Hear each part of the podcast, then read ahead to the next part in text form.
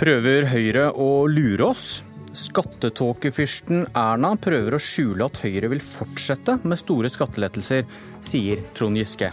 Men hva hvis man protesterer mot skattelettelser, men ikke vil si om man vil øke dem igjen? Prøver Arbeiderpartiet å lure oss? Velkommen til Politisk kvarter. I helgen hadde Høyre landsmøte. Erna Solberg nevnte ikke skattelette i sin tale. Trond Giske, nestleder i Arbeiderpartiet. Det vi har hørt flere Høyre-topper si, også han som sitter ved siden av deg nå, er at Høyre kanskje ikke skal gå til valg med å love store skatteletter. Prøver de å lure oss? Vel, Jeg konstaterer at uh, Høyre nå sier at uh, skattekutt har ikke forrang foran andre saker, tror jeg var formuleringa til noen av Høyre-toppene på landsmøtet. Eh, jeg fant et sitat fra Erna Solberg i 2013, fra valgkampen den gangen. Da sier hun sitat vi har også andre prioriteringer, og skatt har ikke forrang foran andre satsingsområder, sier Solberg til NTB. Etter den tid så har altså Høyre gitt 18 milliarder kroner årlig i skattekutt. Det er eh, mer enn dobbelt så mye som man har satsa på sykehussektoren. Det er titalls ganger det man har satsa på skole. Det er rett og slett regjeringas suverent største satsing. Og dette snakka altså ikke statsministeren om én en eneste gang i sin landsmøtetale.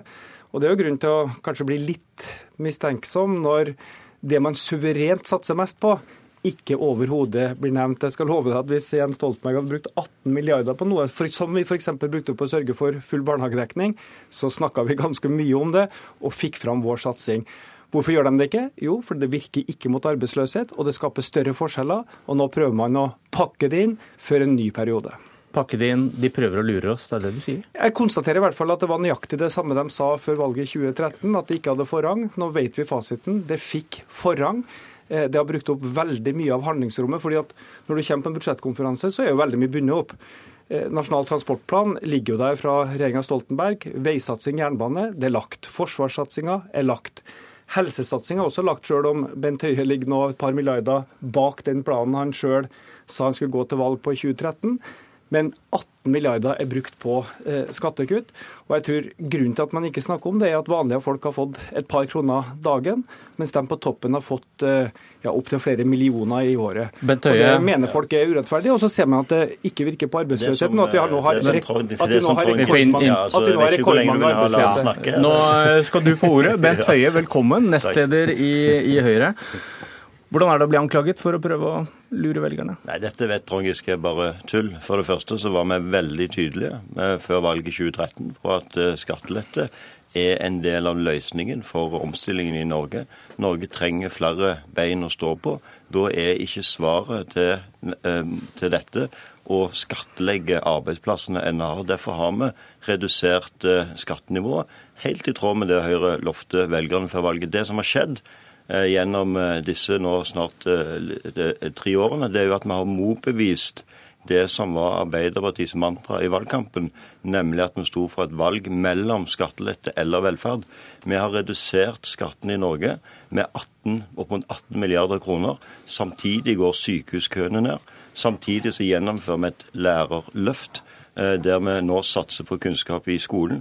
Samtidig har vi fått nå nettopp et kommunebarometer som sier at framgangen i velferden i Kommune-Norge ikke har blitt målt så høyt noen gang som det er blitt eh, gjennom, eh, gjennom det året vi har bak oss. Det viser så... at det å gjennomføre en skattelette på den ene siden, som bidrar til å sikre Eh, norsk konkurransekraft, så er det fortsatt sånn mulig å være villig til å prioritere det som er viktigst i okay. velferden vår. Det var forsvaret for det som er gjort, men når vi nå snakker om det som skal gjøres, så tenker dere høyt om da at kanskje dere ikke skal gå til valg på like store skatteletter, og så sier Trond Giske at vi skal ikke tro på dere. Vi har nå en eh, veldig levende og god programdiskusjon. En av våre lærdommer eh, sist vi satt i regjering, var jo at hvis et regjeringsparti ikke har en diskusjon om sin politikk. Vi kan ikke vinne velgernes tillit bare på det vi har gjort. Vi må òg vinne velgernes tillit på de planene vi har eh, framover. Og Da er det noen av oss som har tatt orde for at vi kan ikke gå til valg i 2017 på like høye skattelettelser som det, de som vi nå har gjennomført. For det er en ganske stor forskjell på valget i 2017 og 2013. I 2013 så har vi vært gjennom en situasjon med åtte år med rød-grønn regjering der skattene hadde økt i Norge. Nå har vi vært i en situasjon der vi har redusert skattenivået med 18 milliarder kroner.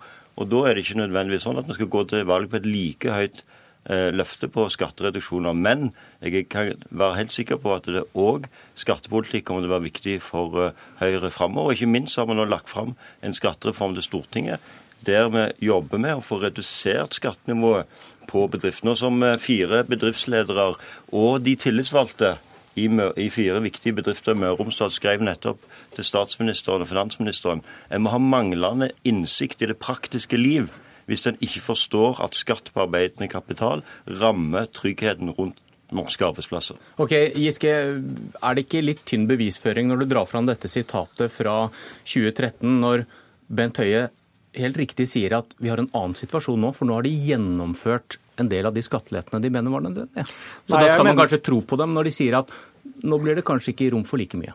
Altså jeg konstaterer at Bent Høie svarer jo ikke på det som både kommentatorer og eh, opposisjonen spør om. Når en regjering bruker 18 milliarder på en enorm satsing. Altså, jeg har vært på budsjettkonferanser og slåss om titalls millioner, og Erna Solberg skrøt av satsinga ned på noen få millioner på landsmøtet. Og så bruker man altså 18 000 millioner kroner i året på skattekutt, og så nevnes det ikke med et ord. Hvorfor? Nå, svarte, nå svarte ikke du på mitt spørsmål. Nei, men, men, hvorfor gjør man ikke det? Fordi at dette er kjernepolitikken, dette er satsingsområdet, men man kan ikke selge det til velgerne. For at velgerne aksepterer ikke at vanlige folk okay. får noen øre per det... dag, mens de, mens de, på toppen får, får, masse. Men du svarte ikke på mitt spørsmål. Denne bevisførselen fra forrige gang, hvor gyldig er den? Når det som korrekt Bent Høie sier, at vi er i en annen situasjon. De har gjennomført en del av skattelettene. Ja, jo, men legg merke til hva Bent Høie sier nå. Vi kan kanskje ikke ha like store skatteletter neste periode, men skattekutt kommer til å være en viktig del av Høyres politikk. Og det har vi jo sett hver gang Høyre kommer i regjering. Det er tre ting som står i hovedsetet. Det er skattekutt til dem på toppen, det er privatisering av offentlig eiendom, og det er kutt i vanlige folks eh, ordninger. Og dem som nå betaler regninga for den økonomiske politikken, er jo vanlige lønnstakere som har gått i reallønn, og pensjonister som har gått ned i kjøpekraft. Og bare for å fullføre, fullføre Bent Høie, det er altså nå 134 000 arbeidsløse.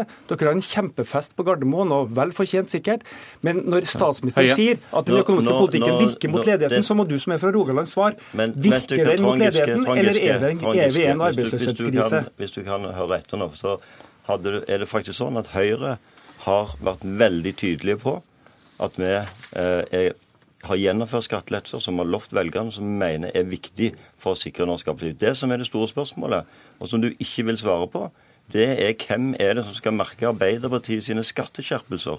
Og hvordan kan du tro at et arbeidsliv, private eide norske bedrifter, arbeidsplasser som er viktige lokalt, skal ha glede av å få en stor skatteregning fra Arbeiderpartiet i en situasjon der de står i en omstilling, der de skal trygge arbeidsplassen for framtiden, der de skal finne flere bein å stå på.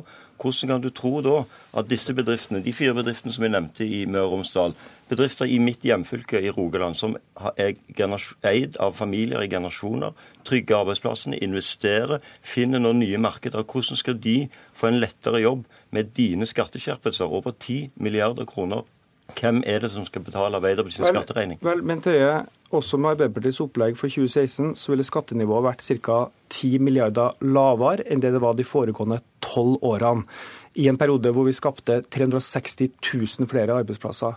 I ditt fylke Rogaland så er arbeidsløsheten dobla. Vi har fått 50 000 flere arbeidsløse siden Erna Solberg overtok. Og Jeg aksepterer at oljeprisfallet ikke er Høyres feil, akkurat som finanskrisa ikke var Arbeiderpartiets feil. Men vi møtte, vi møtte den krisen nå, nå, snakker jeg, Bent Høie.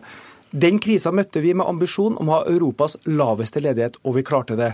Vil du, som er fra Rogaland og Høyretopp, si noe annet enn Erna Solberg. Hun nekter å si at vi har høy arbeidsløshet. Hun nekter å si at vi er en krise. Vil du si er Norge en krise, eller er vi ikke en krise? Du er fra Rogaland, du må kjenne til dette. Folk rister på hodet når Erna Solberg sier at arbeidsløsheten og økonomiske politikken nå virker. Men Det er ikke riktig det som du sier. Jeg var til stede på Høyre sitt landsmøte. En av de tingene Erna Solberg trakk fram i sin landsmøtetale, var spesielt den vanskelige situasjonen i Rogaland. Men er vi en krise? Derfor... Vil du si det, Bent Høie? Du, du, må jo kjenne ja. forholdene. Eh, men, da, jeg tror, men i Rogaland, for de menneskene som blir rammet samme i Rogaland så er det en krise. Det har vi vært oppe på hele veien. og Det er jo derfor vi setter inn spesielt målretta tiltak for å bidra til å, å, å, holde folk i arbeid i disse fylkene. Og Det er nettopp derfor den omstillingen som vi nå er gjennom, ikke minst er viktig for mitt okay. hjemfylke Rogaland. Jeg hører vi er tre, tre, stykker som stiller hverandre spørsmål som ingen svarer på. Jeg prøver med en gang til.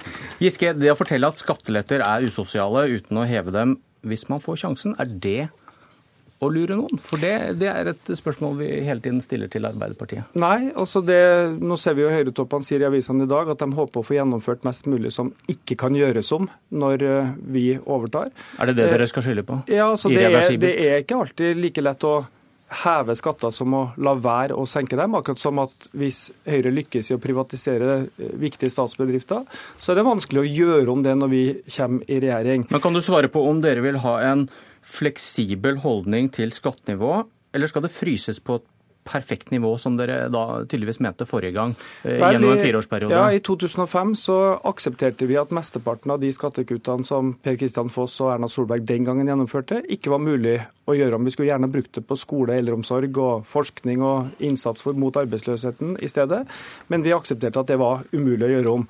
Hva som blir mulig å gjøre om i 2017, det skal vi svare på når vi går til valg i 2017. Det kommer bl.a. til å avhenge av hvordan den skattereformen som nå lar vente på seg, kan bli gjennomført. Da vi satt i regjering, Men jeg skjønner ikke at dere ikke kan svare på uh, svare nå på hva, fordi dere må se an økonomien før dere svarer på hva dere kan reversere og ikke.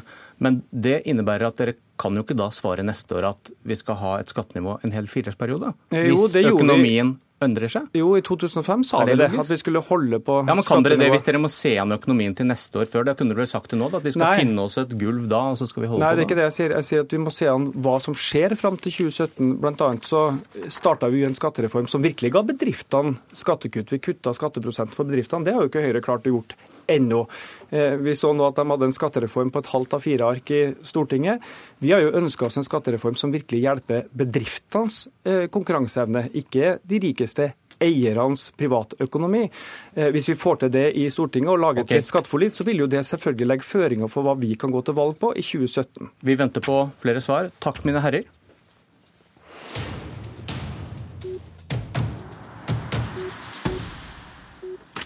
Politisk kommentator Lars Nehru Sand, du har vært på landsmøtet til Miljøpartiet De Grønne i helgen, yep. som også hadde fest og politikk. Eh, er det helt åpent om et MDG på vippen vil støtte Høyre eller Arbeiderpartiet? Er vi noe nærmere et svar der?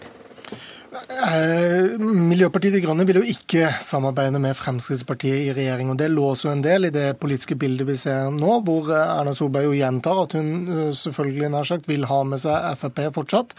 Og Det å se for seg at Frp gjør et så dårlig valg at Kristelig Folkeparti, Venstre og MDG f.eks. kan samarbeide med Høyre, det er vanskelig. Men det er klart, MDGs drøm er jo å få til et, et regjeringsalternativ hvor verken Arbeiderpartiet, Høyre eller Frp er med. og det er kanskje enda vanskeligere å se for seg i det eh, nære politiske bildet.